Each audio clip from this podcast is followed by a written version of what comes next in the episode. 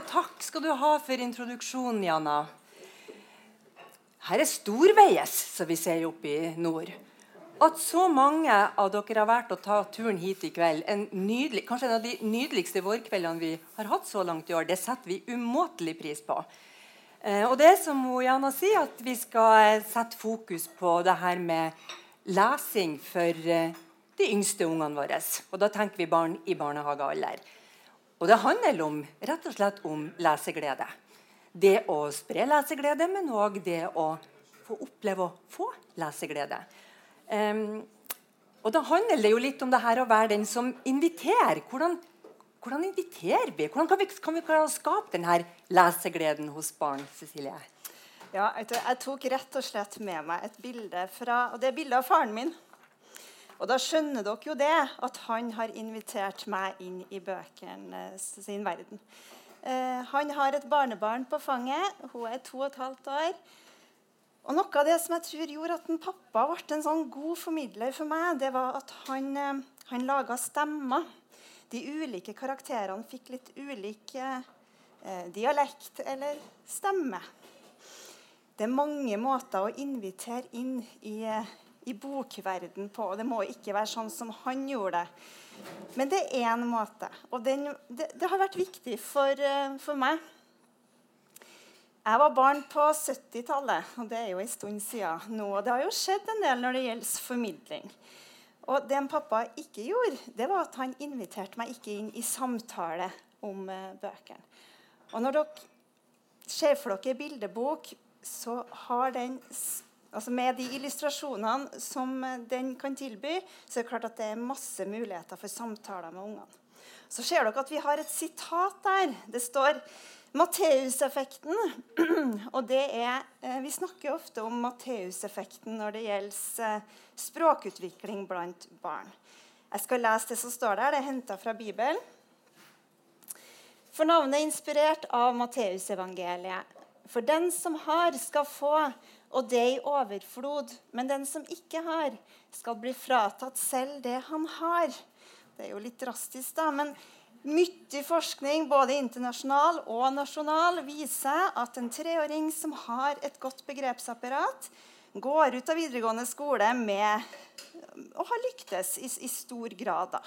Eh, mens tilsvarende en som, som har et svakt begrepsapparat som treåring, så er ikke engang at linja er sånn, men det går sånn. Så, så forskjellen er veldig stor. Og Hvorfor snakker vi om det når vi snakker om bøker? Jo, det er jo det at gjennom de samtalene man har med barn om bildebøker, så ligger det en, en spire til masse, masse språkglede og språkutvikling. Så Matteuseffekten handler om at den som har mye, får mer, og den som har lite, får mindre. Kanskje også når det gjelder leseglede. Jeg var heldig. da, Jeg hadde noen pappa Eh, og så er det en som heter Tor Åge Bringsvær. Han er eh, forfatter og står bak f.eks. Karsten og Petra og Tambartrollet og Ruffen og mange, mange andre karakterer. Og han kommer stadig vekk tilbake til mormora si. Mormora og han foran koksovn, det ga gylne øyeblikk, sier han. Uh, og det hun gjorde, var ikke det samme som en pappa gjorde, men hun dikta litt om henne. Hun var veldig sånn fri i forhold til boka. Og så dikta hun gjerne Tor Åge og bamsen hans med inn i fortellinga. Og så fikk de være med på alt det spennende som skjedde inni bøkene. Litt av grunnen til at vi er samla her i dag, er vel fordi at vi mener at det, og ønsker og tror òg at dere som er interessert i bøker, vil være en sånn som inviterer ungene inn i, i bokverden. Men så er det det med å finne tid og rom, da. Ja, å finne tid og rom det blir jo vesentlig når vi skal få til de her gode lesestundene og få spredd denne lesegleden. Eh, lesemiljø det handler jo om hvordan vi legger til rette for lesing. Eh, og hvor denne lesinga foregår. Og Vi kan jo ha noen spørsmål i bakhodet uten at vi trenger å besvare dem sånn umiddelbart. Men hvor er det vi leser? Hvor er det dere holder på hen når dere leser? Um, hvor liker ungene å være når dere leser? Vil de helst være på gulvet? Vil de være ved sida av bordet, eller kanskje under bordet? Ute eller inne? Det er mange steder vi kan lese. Hvordan inviterer dere ungene inn? Cecilie, Du snakka litt om det med, med, pappaen din. Men hvordan lokker vi med oss ungene inn? Det er ikke alle som vil være med. Jeg er sikker på at en del av dere har møtt de her ungene som velger det bort. Velger andre ting. Hvordan gjør dere det da for å kjenne at de skal bli så nysgjerrige at de bare har lyst til å være med? Hvordan snakker vi sjøl om bøker? Hvor glad er vi i bøkene? Er det noe som tematiseres? Sånn at det blir en naturlig del av det vi snakker om, i tillegg til alt det andre vi snakker med, med ungene om. Og så er vi jo opptatt av biblioteket òg, og det er jo derfor vi har tatt med de bildene her. De her bildene er fra Ranheim bibliotek, for der er det jo òg masse muligheter. Når jeg var lita, Hvis vi skal gå litt tilbake, sånn som du gjorde til din barndom, så var biblioteket et sted der vi skulle være helt stille. Kanskje noen av dere husker det. det var, og det skulle være så stille at vi lista oss rundt. Nå opplever vi at biblioteket har blitt et sted for samtale og diskusjoner og masse prat. Det trengs ikke å være helt stilt. Og det gjør jo at det blir et yndig sted, og et ynda sted òg for å samtale om bøker. Hvor lenge leser vi av gangen? Og må vi komme gjennom boka for at vi skal være fornøyd? Eller kan vi bare stoppe underveis og være tilfreds med at nei, der ble vi stående på oppslag tre? Vi kom ikke lenger i dag. Kanskje er det en vel så god lesestund som gir leseglede, enn at vi skal rushe oss igjennom. For det er kanskje flere av dere som i likhet med meg har tenkt at boka var litt kjedelig. Jeg tar to sider slenger nei. Og så, prøver vi, og så prøver vi å skynde oss. Hvis ungene kjenner boka, godtar de det da? Nei, de gjør ikke det. Så det er noe med å bruke den tida godt. Så er det jo noen ganger at vi planlegger lesinga grundig. Kanskje er det noen av dere som har vært vant med og kanskje også er vant med at vi har faste lesestunder. Gjerne på kveldene før ungene legger seg. Fint å legge inn ei lesestund og gjerne planlegge de her stundene. Men det er noe med å ha rom for de her spontane stundene som kanskje er de du snakker om. Cecilie. De her som bare oppstår. Og om vi ikke da har ei bok tilgjengelig, nei, men så har vi et eller annet vi kan skape noe tekst ut ifra. da. En eller annen situasjon vi husker. Eller dere finner et lite arr på fingeren som kan bli et kjempespennende utgangspunkt for en, for en fortelling. Eh, så vet vi at det er mange barn som vokser opp med barn nei, med, med, mye lesing og mye formidling. Og så er det veldig mange barn som ikke har det som en del av sin hverdag. Eh, men vi prøver nå å så inn her verdien av at vi kan formidle uten som sagt, at vi må ha alt av bøker tilgjengelig. Ja, hva er det så med denne lesinga som vi nå har litt om, som er så verdifull? da? Ja, og så har vi laga noen stikkord, og det kan oppleves helt Dere tenker at ja, men jeg ville jo sagt noe helt annet, og det tror vi på. For det her blir litt sånn OK, nå har vi laga ei liste. Eh, legg til, ta fra. Ja. Men vi starter med kanskje det viktigste, eller noe av det som jeg syns er viktig. Fantasien. At det gir mat til fantasi. Jeg tror at det gir mye mat til leik. Og jeg tror at unger som er fantasifulle, de eh, blir gode leikvenner. De blir artige leikvenner, de blir spennende leikvenner, fordi at det skjer mye kreativt rundt dem. Um, så er det sånn at Unger i dag de får masse av det digitale, det vet vi jo, med filmer sånn, som også gir masse spor til leik. Men det er enda mer visualisert enn det bildeboka er. Og det er mange, eh, det, det er mange ting til å tenke både òg her. Mange gode grunner til det. Eh, og de må forestille seg litt mer sjøl når, når, vi formidler bøker. Det du nå har sagt om fantasi og, og det her med å være sammen, at litteraturen og, og formidling av litteratur skaper et fellesskap Vi er sammen om noe, og verdien av å være sammen om noe, den vet vi kan være veldig, veldig stor. Det er fint å være sammen. Fint å gjøre noe i lag. Mm. Og så var det med den samtalen som jeg snakka om. Da, for når vi, når vi, setter på en film eller TV, eller, eller um, ungene spiller, så kan vi godt sitte ved siden av, men vi mister samtalen underveis. Og den får vi gjennom, uh, gjennom boka. Uh, og vi får nærheten òg, ikke sant? Det, ikke minst. Det er viktig, det, altså. Å være, være nært. Og så er det et felles fokus. Uh, vi vet at unger som syns at en dag kan ha vært lei eh, av en eller annen grunn, ikke nødvendigvis vil fortelle om det. Men hvis vi leser i bok, så kanskje kommer det likevel. For man får eh, tankene over på det som skjer i boka, og så kan man relatere til det som, som skjer der. Um, så det er, det er, masse, og det vet, vet dere sikkert, og masse spennende samtaler som kan gro ut av ei lesestund. Og så er det jo sånn at Når du møter nå de her tekstene og blar i boka, ser i boka Om du så leser den, du er helt ny i bildebokverdenen, når du leser opp ned og blar motsatt vei, så møter du nå et skriftspråk, du møter et visuelt språk. Så du får jo på en måte møte tekst, og du kan holde på å utforske denne teksten på ditt vis, sånn som du vil.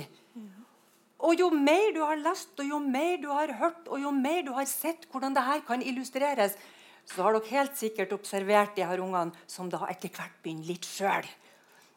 Og hvor mange er det ikke som har laga bøker? Hvor mange av oss var det ikke som var fornøyd når vi endelig fikk bruke stiftemaskin? Sånn. Og vips, så hadde vi ei bok. Sånn at Det gir grobunn for tidlig tekstutforskning òg. Mm. Og dere har sikkert sett de ungene som, som, gjør sånn og legger over teksten, og som egentlig kan være litt irriterende. Og dere får lyst til å si ja, men så ta bort den handa, da. Men hva er det som egentlig skjer? Jo, de begynner å skjønne at det skjer noe. da. Det står noe her. Så det er en sånn tidlig, for tidlig blikket på, på tekst. Eh, det litterære språket har vi tatt med som et eget punkt, for det skiller seg fra hverdagsspråket vårt. Eh, her er det en forfatter som har og knadd ordene. Og det, tilbyr, det tilbys gjerne andre ord enn det vi bruker til vanlig. Og det er satt sammen i en ny setting. Så det er ofte at unger vil, vil nettopp i lesesituasjoner si hva det betyr Og så nevnte du også innledningsvis at de her ungene som har fantasi, de blir ofte unger som andre vil være sammen med og leke med. Og Hvis man da har ei bildebok eller noe sånt som et utgangspunkt, så kan det òg generere lek. Det er ikke lenge siden jeg leste en fortelling der eh, var jeg i barnegruppa i en barnehage som hadde med, holdt på med Georgs magiske medisin. Og der er det en gullbillett. ikke sant? Så var de ute hadde frilek. Ungene holdt på ute i barnehagen. Og så er det ei som kommer sprengende. 'Se, her har jeg funnet gullbilletten!' Og funnet et karamellpapir. Men, men, ikke sant? Det er bare den der ideen den kommer ifra noe. Plutselig så var ikke det der karamellpapiret bare et karamellpapir. Det var faktisk fra Georgs magiske medisin. Vips! Så var det utgangspunkt for lek. Mm -hmm ungene for å prøve ut sitt eget språk i samtaler med boka som fokus. Det å utforske språk, utforske nye ord. Det er også verdifullt. Og så kan de kjenne seg igjen. Og hva er vel artigere enn å lese noe der du kjenner Oi, det der kunne ha vært meg. Og hun gjør òg sånn. Han gjør òg sånn. Så denne gjenkjennelsen og identifikasjonen som, som litteraturen kan gi, syns vi òg er veldig verdifull. Mm. Det er mange bøker, nye bøker som handler om hverdagen til barna. Det å gå i barnehagen, f.eks. Og så er det ett punkt vi ikke har tatt med, tror jeg. Det har vi snakka om at det er på en måte en sånn selvfølgelighet at først og fremst så er det òg verdifullt. Eller i tillegg til alt det så er det jo verdifullt fordi at det jo, kan jo være fryktelig artig. Og det kan være hyggelig, og vi kan flire mye i lag. Um, og det er òg viktig. Det kan være litt alvorlig òg. Ja, det kan være veldig alvorlig. Det kan være litt forskjellig. Eh, vi har også tatt med det som handler om empati. med at Når du leser om andre, så får du større forståelse for hvordan andre har det. Så Bøker kan bidra til større forståelse av seg sjøl, men òg for hvordan andre har det. Så var du inne på det, Marit. fordi vi har skrevet som så at bøker det er barnefavoritter de bøkene tror vi, da, som eh, de barna som får tilgang til bøker eller litteratur, eventyr, poetiske tekster som, som eh, sanger, rim og regler, da blir det barnefavoritter. Det er vi helt sikre på. Det er veldig få som, som ikke blir glad i bøker, som har fått lov å, å kjenne eh, de verdenene som finnes i bøkene. Vi skal vise en del forskjellige bøker. og Vi skal ta litt, uh, vi, er, vi, er, opptatt av det med å stoppe og snakke om bøker. Og Vi kommer til å gå inn i noen oppslag etter hvert uh, for å vise dere litt av hva som fins av variasjon i ulike bøker. Vi har satt de her to litt opp imot hverandre. To illustrasjoner. Jeg tror ikke dere ser så veldig godt borti her, men det ene er et Disney-bilde fra uh, Det er Tornerose. Uh, og det er eh, veldig mye god leik som kommer ut av eventyrene, og som kommer ut av eh, bl.a. Tornerose-fortellinger. Men det vi òg vet med disse typer fortellingene, er at de er, har stereotype karakterer. Tornerose hun er bare snill, god, vakker. Eh, hun har ingen dårlige eh, kvaliteter. Prinsen han har makt, han har autoritet, han er kjekk, han er en reddende engel. Han er, har bare positive kvaliteter, han òg. Mens eh, den onde stemora hun er bare ond. Hun, er vakker, det skal sies, men bortsett fra det Og i veldig mange framstillinger så er hun knapt det. altså. Men, eh, men det, det, er stereotype karakterer. Og dem vet vi at ungene får. Derfor tenker vi at vi har lyst til å slå et slag for litt annen type litteratur også. Og på den sida her så, Nå har jeg ikke tatt med teksten, det er kun en illustrasjon. Eh, det er Lisa Isatos som har laga ei bok som heter 'Fugl'. Som ser sånn ut. Og det er et bilde derfra. Og det bildet berører i hvert fall meg på en helt annen måte enn det eh, tornerosebildet gjør. Um, jeg får litt ømhet og godhet for henne her jenta i denne kalde verden som hun er en del av. Uh, og det skjer noe med meg. Den boka her har vært litt spesiell for meg, fordi jeg la den bort når den kom ut, for jeg syntes den var rar. Um, og jeg forsto den ikke. Og jeg vet ennå ikke om jeg forstår den, men jeg har forstått det at unger liker den. Og jeg har også forstått det at jeg trenger ikke å forstå alt. Det at vi kan utforske bøker i lag, er kanskje det aller viktigste. Og jeg ser at den type bøker blir gjerne favorittbøkene til barn. Eh, så den boka ble litt sånn viktig for meg akkurat når det gjelder det med å tørre å formidle ting jeg ikke helt eh, er sikker på.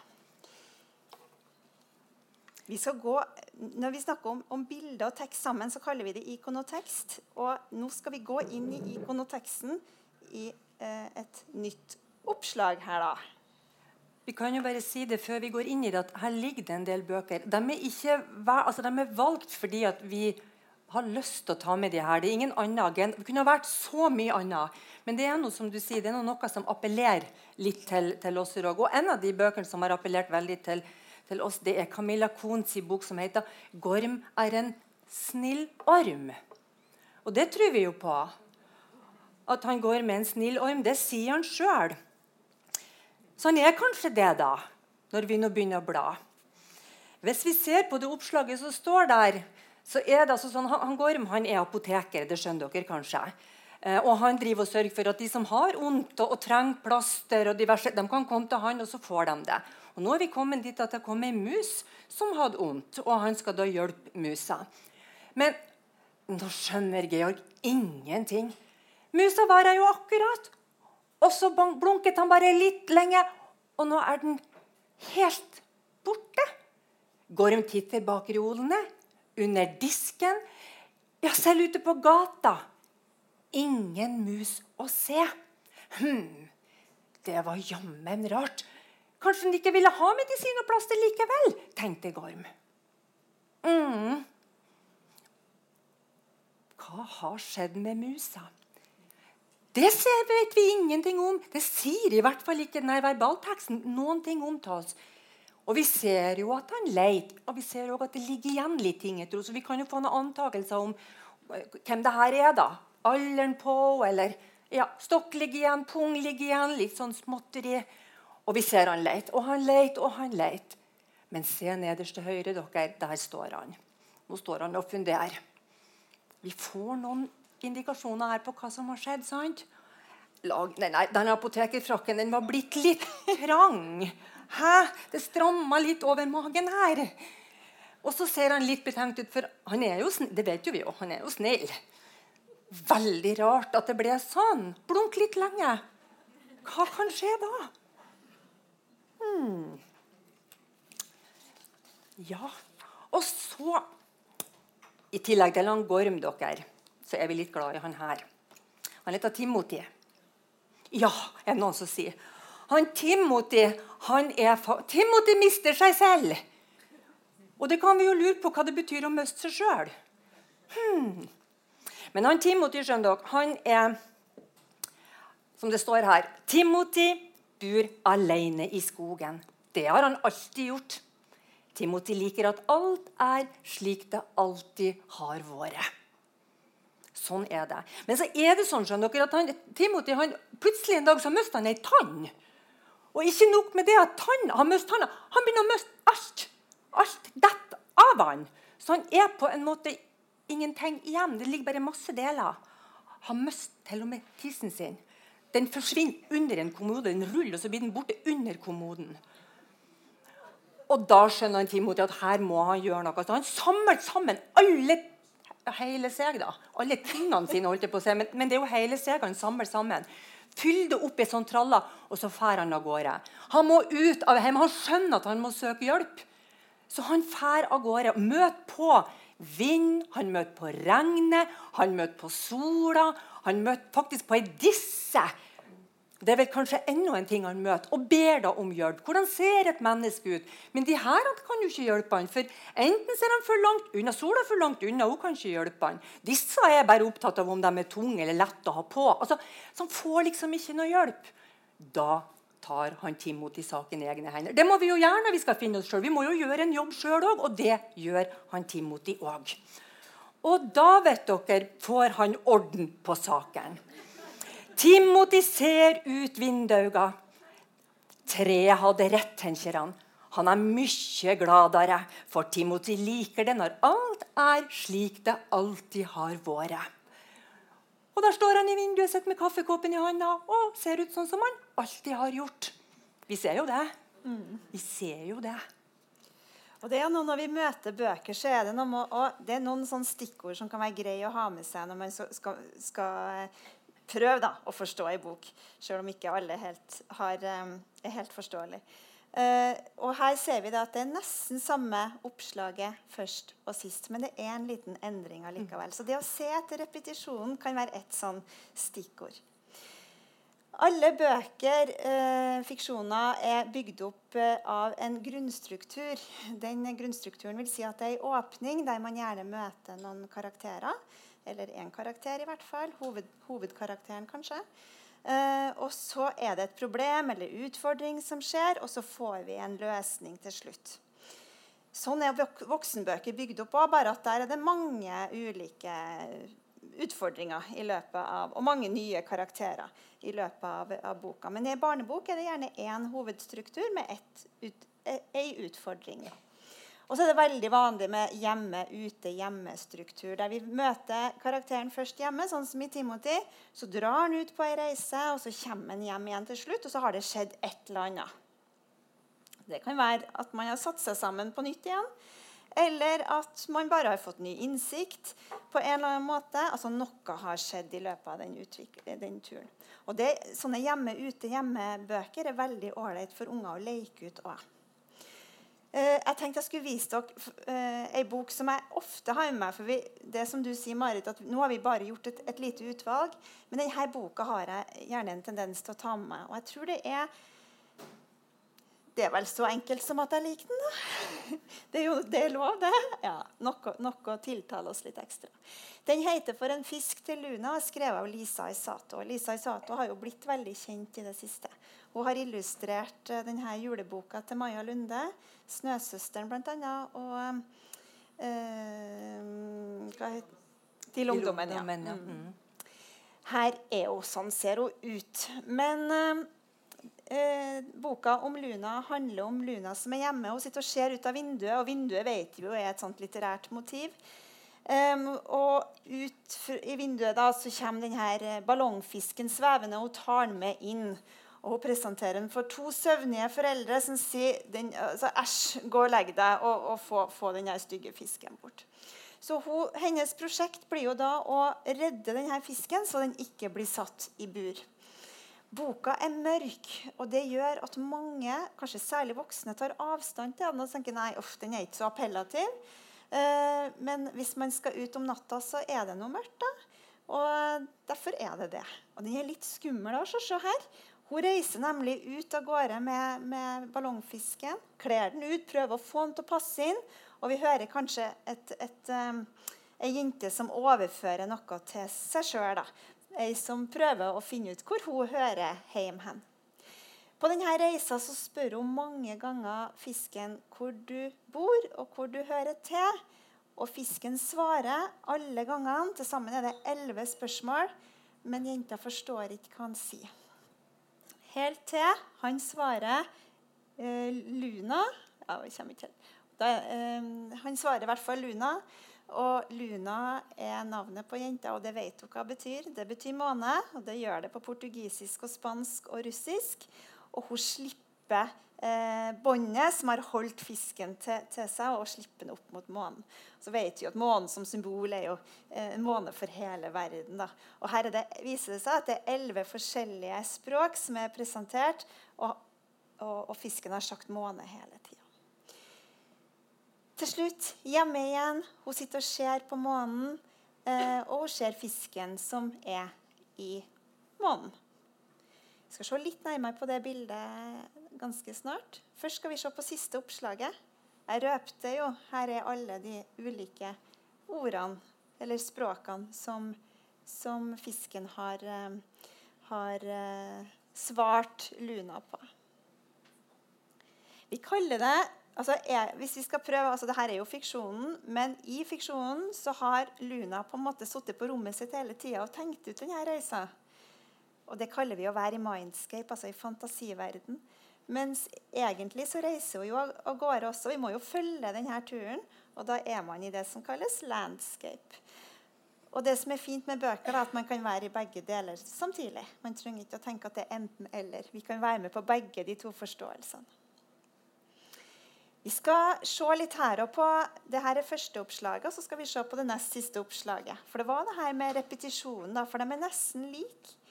Eh, her ser vi Luna som kikker ut av vinduet. Det med vindu i litteraturen er jo sånn at du, du er på jakt utover. Sant? At du lener deg utover.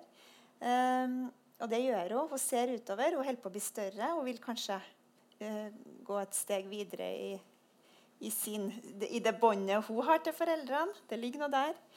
Um, her er det nest siste oppslaget. Ser dere at det er ganske likt? Det som jeg liker med bøker som er, har uh, som, uh, som, Der tekst og verbal, eh, der, verbal, der teksten og bildet fungerer så godt sammen, er at de stadig kan utvides. Og det det tok meg veldig lang tid å se, var at her er det et smil. Ser dere det? Og her er det Månen utgjør et øye med en pupille som kikker ned på Luna og smiler til henne. Og det er fiskeansiktet. Ser dere det? Mm.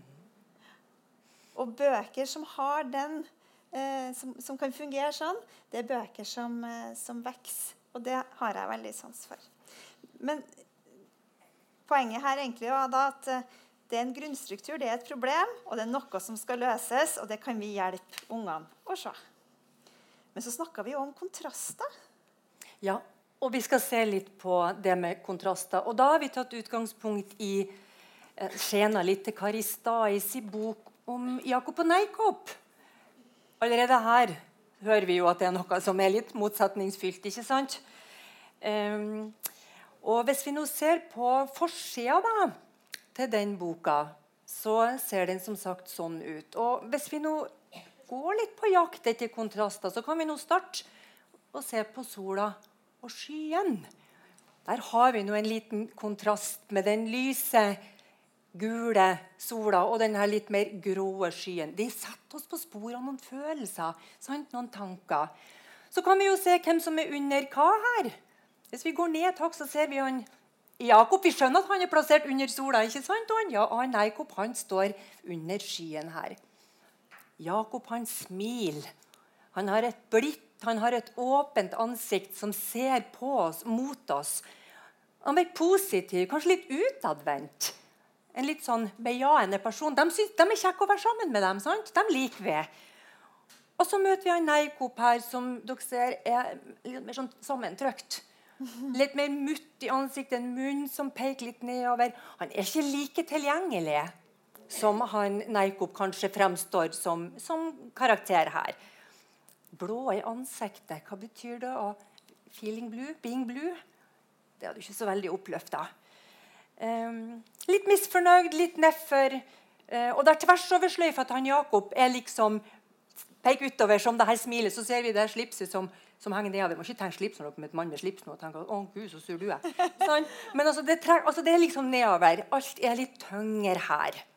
Virker litt mer negativ. Og så kan vi se på, Det er noen former her òg Vi kan skille mellom organiske former og geometriske former. og Vi ser jo at begge de typene er i bruk her. Vi ser sirkel, vi ser i hvert fall noe tilnærma et rektangel.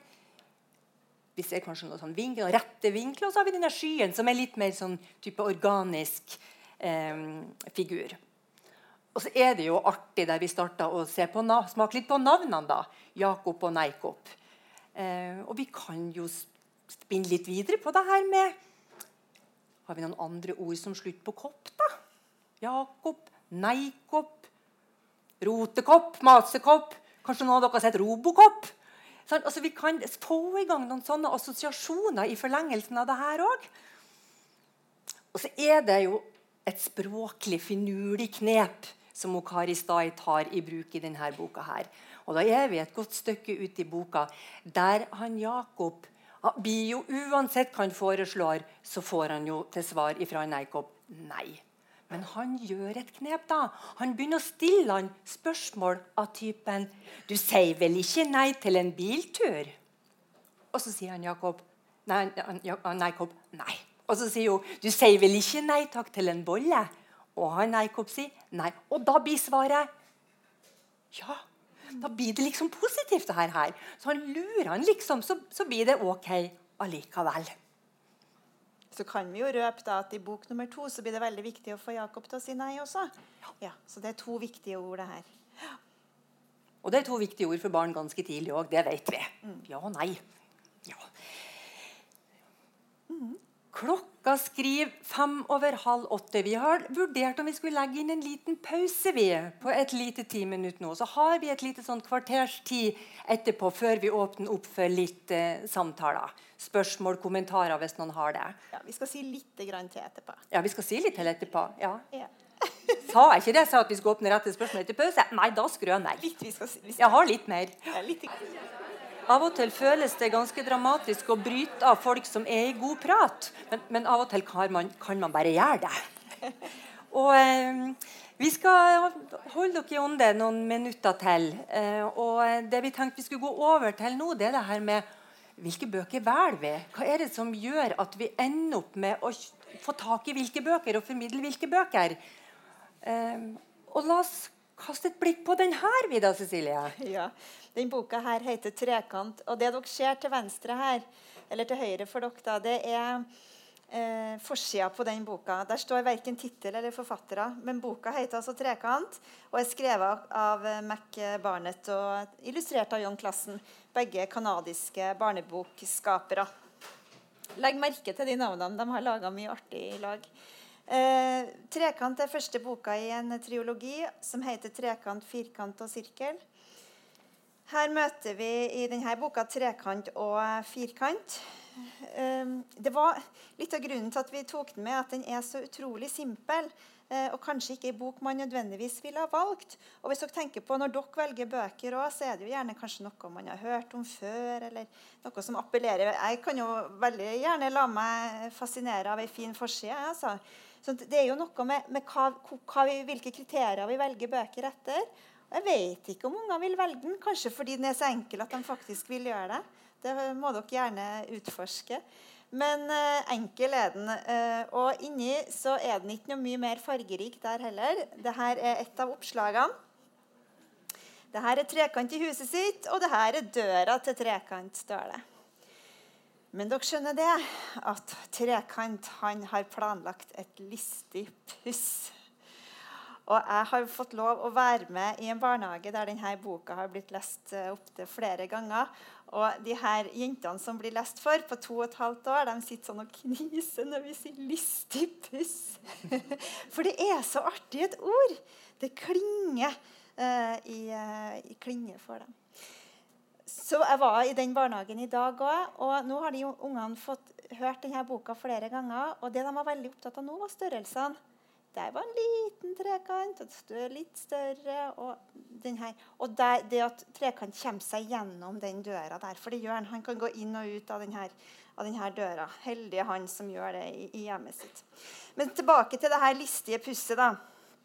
Han eh, skal nemlig gjøre et listepuss mot firkant. Og Han reiser av gårde i denne litt merkelige verden, som først består bare av ulike trekanter. Og så kommer han til ulike former. Han kaller, han kaller dem bare former. Og så kommer han til firkanter. Og der bor firkant. Og vet dere hva det listige pusset er? For det er én ting firkant er veldig redd for, og det er slanger. Og han har bestemt seg for å stå utafor hula til firkant og si. Tror dere det er lett å få med ungene på å si? Så det er det som er litt fint når man formidler denne boka, her, at det, er, det her med listig puss er veldig gøy. Og så er det det med denne slangen. Sånn at du har noe som appellerer allerede ved første lesning. Men så ser jo jeg nå da, som følger en gruppe som leser denne boka, her, at det skjer veldig veldig mye mer etter hvert som de har lest den flere ganger. De oppdager flere ting i boka. Men eh, han greier jo det. Han greier jo å skremme, skremme firkant. og han eh, får han til å tro at det er 100 millioner slanger utafor hulen hans. Og han er kjemperedd. Og når vi blir ordentlig redd, så blir vi òg ganske sinte. Så, så, firkant legger på sprang etter trekant, og trekant han springer tilbake forbi alle firkantene, forbi alle formene og forbi alle trekantene. Og så kommer han inn i huset sitt igjen. Skal vi se. Der. Dere ser jo hva som skjer med firkant. Han kommer seg ikke inn. Puh. Altså trekant Han, han vant på en måte den runden her, da. Eh, for firkant han stoppa, og huset til trekant var helt mørkt. Trekant var redd for mørket. Det er for mørkt, sa trekant. Du stenger lyset mitt ut. Gå bort, din kloss. Forsvinn fra døra mi. Da var det firkant sin tur til å le. Jeg veit at du er redd for mørket. Nå har jeg spilt deg et listig puss. Du skjønner, Trekant, det var planen min hele tida. Og så spørs det da om Firkant prøver å lure både Trekant og kanskje oss som lesere med akkurat den replikken. Og den siste oppslaget så står det Men tror du virkelig på han? Si det, si det. Det var ei bok sånn for de litt, litt yngre. Eh, en helt annen type bok er jo den her. Og den er det kanskje mange av dere som kjenner. Og har kanskje har kjøpt den. Appellerer kanskje til oss på en litt annen måte enn forsida på Trekant gjorde. Med sine glade, åpne farger. Med en tittel som vi kjenner igjen. Og dette er vel bok tre av Bokene Bruse, eh, som, eh, som eh, Bjørn Rørvik og Gry Maursund har, eh, har eh, utarbeidet i lag. Og Denne gangen er det også at de skal begynne på skolen. Eh, og det kan jo være utfordrende nok. det å skal begynne på skolen. Det er mye som skal læres når man skal begynne der. Så vi tenkte vi skulle se litt på et oppslag i den boka òg. Ja. Dette er et ganske tidlig oppslag før de har kommet seg på skolen. Eh, og denne Boka her, den handler om kunnskap, den handler om skolemodenhet og den handler om motivasjon. Men prosjektet dere, det er å overliste rektor, for rektor er nemlig et troll. Dette er en sånn myldrebok. Altså, her er det masse masse å ta tak i. Og når jeg skal si litt om det oppslaget, her, så, så, er det mye igjen. Men jeg skal si noe som, som uh, fanger mitt blikk. Da. For det første så tenker jeg at det er en sånn humoristisk grunnmodus som ligger i boka. Eh, for det andre så tenker jeg at her er det barnestreken som er på en måte den, den veldig framtredende. Og ungene kan kjenne igjen streken. Og jeg husker godt at jeg tegna akkurat sånn, og dere har sikkert sett unger gjøre det. og kanskje gjort det selv. Vi lager en sånn skille her, og så har vi grønt her, og så har vi blått. Og så har vi laga liksom, jorda og, og, og, og himmelen. Og så tegner vi litt inn, inni der. Så det er veldig sånn gjenkjennelig strek. Mens på den andre sida her, så, på andre sida av oppslaget så ser det nesten ut som en tegneseriestripe. Um, det handler jo, I og med at det er om skole, da, så handler det jo bl.a. om det her med å lese. Og det ser vi på venstre side her. Uh, og den minste bukken sier 'Jeg kan jo lese'. Og det kan nok ikke hvem er det fra, da? sier den største bukken. Ei mus, sier den lille bukken Bruse. Nei, det er jo ikke det. Det er jo fra rektor på skolens historiebukken som kan å lese. Men så kan vi se at her skjer det flere ting i bildet på en gang. Og hvis vi ser hvor blikket til den minste bukken er, så svarer han kanskje på noe helt annet. Hvem vet? Det blir også veldig tydelig her at rektor ikke er veldig stø i rettskriving. Og sånn sett så er det ikke noen sånn redsel for skolen som, som, uh, som dominerer i denne boka. her. De er ganske trygge, uh, de her tre bukkene som drar av gårde mot skolen.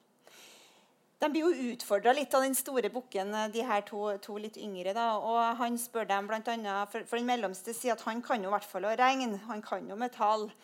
Og så spør, får han spørsmålet da, hva er to pluss to?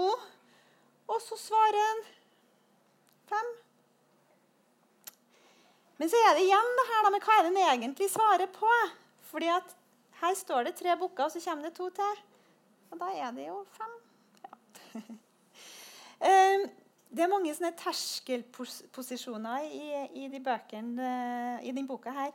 Og, og dette er en sånn type terskelposisjon der de er på en bussholdeplass med et ventested.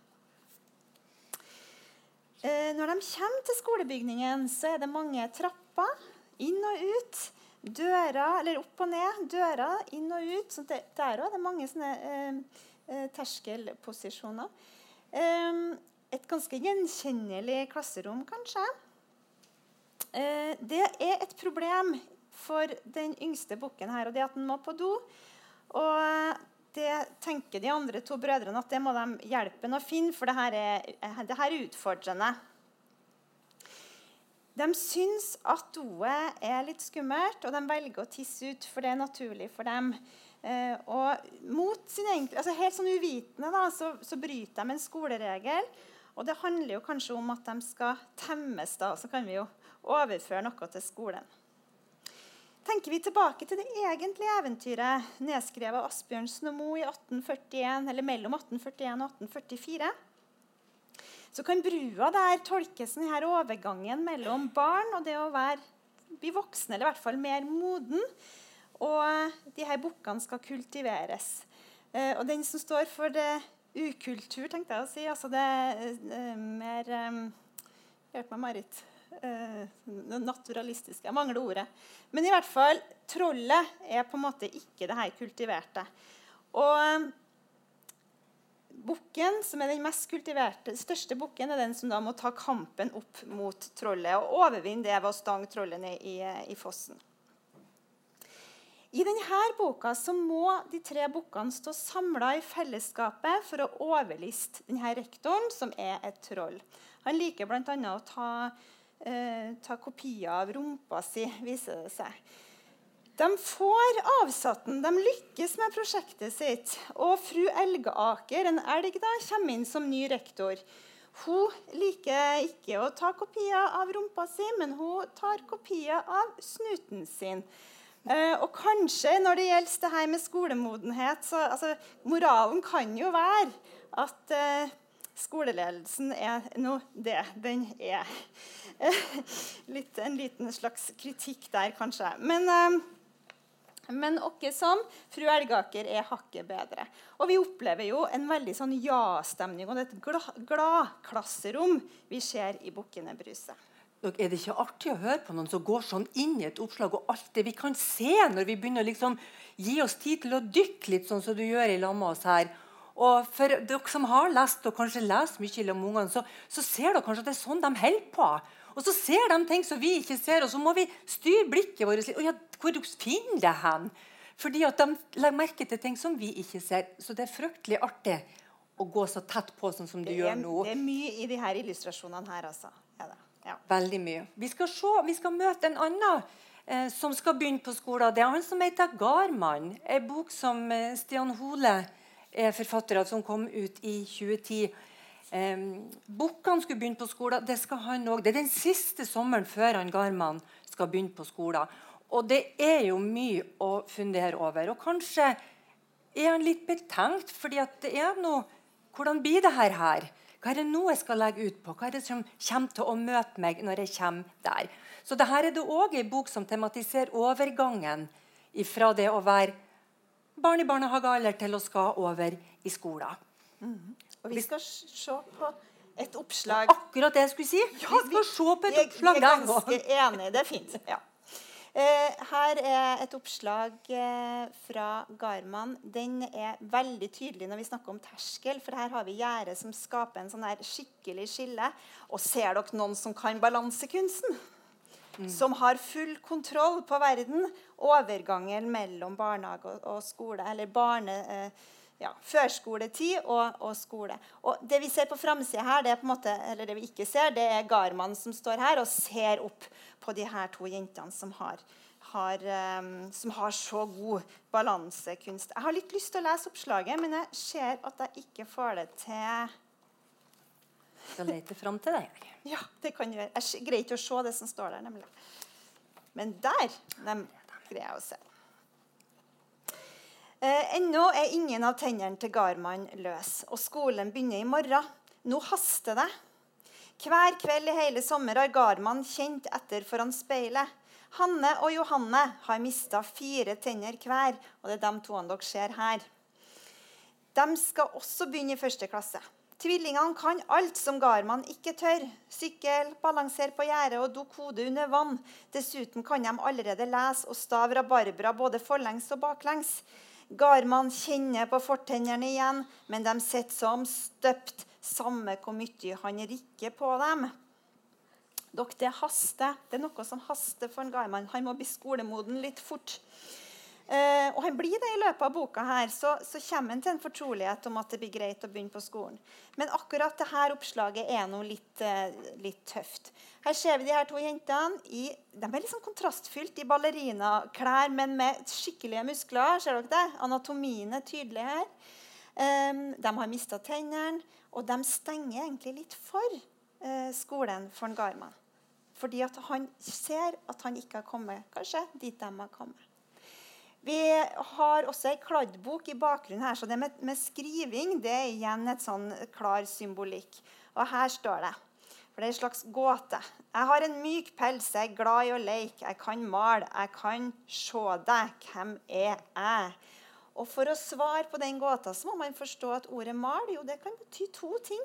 Det kan bety å male med en pensel, og det kan bety å male som en katt. Altså Det handler om kunnskap, akkurat som hos Bukkene Bruse. Gir litt sånn utfordring til oss som høytlesere òg, det her det som står bak, da, om vi skal bruke det eller ikke. Men det er jo sånn som man kan utvide med. Og Hvis vi ser det som står videre der, så står det et eller annet om at jeg grr. Og da kan vi jo kanskje tenke at det er noen som gruer seg litt. Um, det er noe med denne hagen, eh, og den hagen går igjen i denne boka. og Vi tenker kanskje på paradis, eh, barndommens hage, det naive. Og med en gang vi får kunnskap, så kan vi aldri gå tilbake. Så det er jo også noe med et sånn tapsperspektiv, da. Um,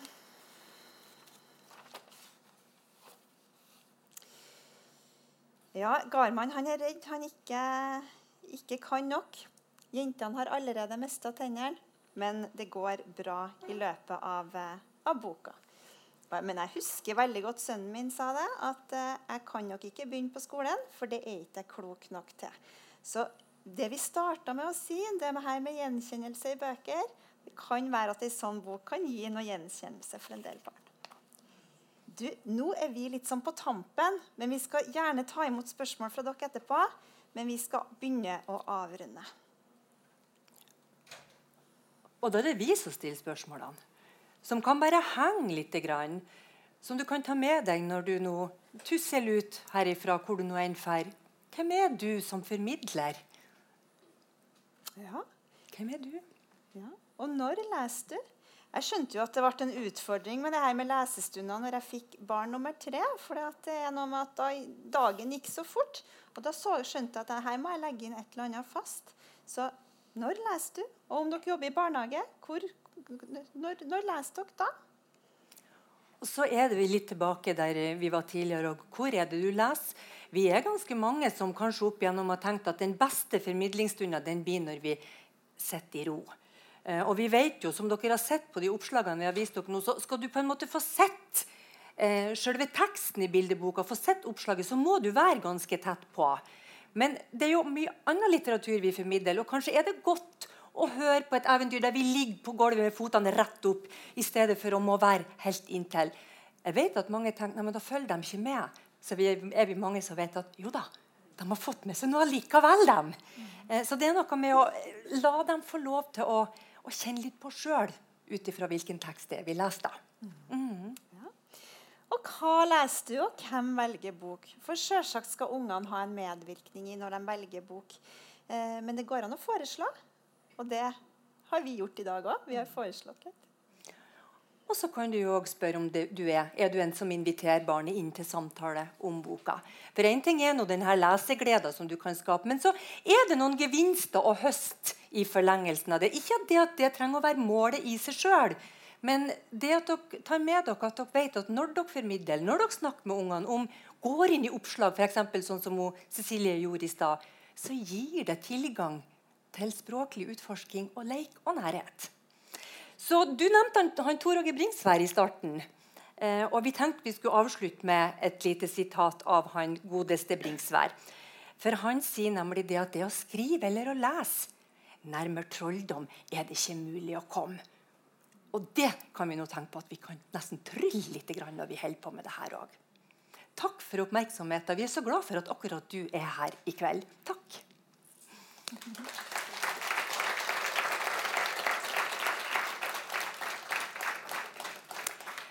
Da er det noe sånn at Hvis det er noen som har noen spørsmål eller vil kommentere noe, eller dele noen erfaringer, så, så har vi litt tida til det. Feel free, som de sier på godt norsk. Ja, Det er det fine. Får snakke mikrofon òg. Kanskje, kanskje alle bare vil sitte og kose seg på bordene? Bare rett og slett prate sjøl. Det er helt greit. Det ser ut for det. Da runder vi av, vi. Yes!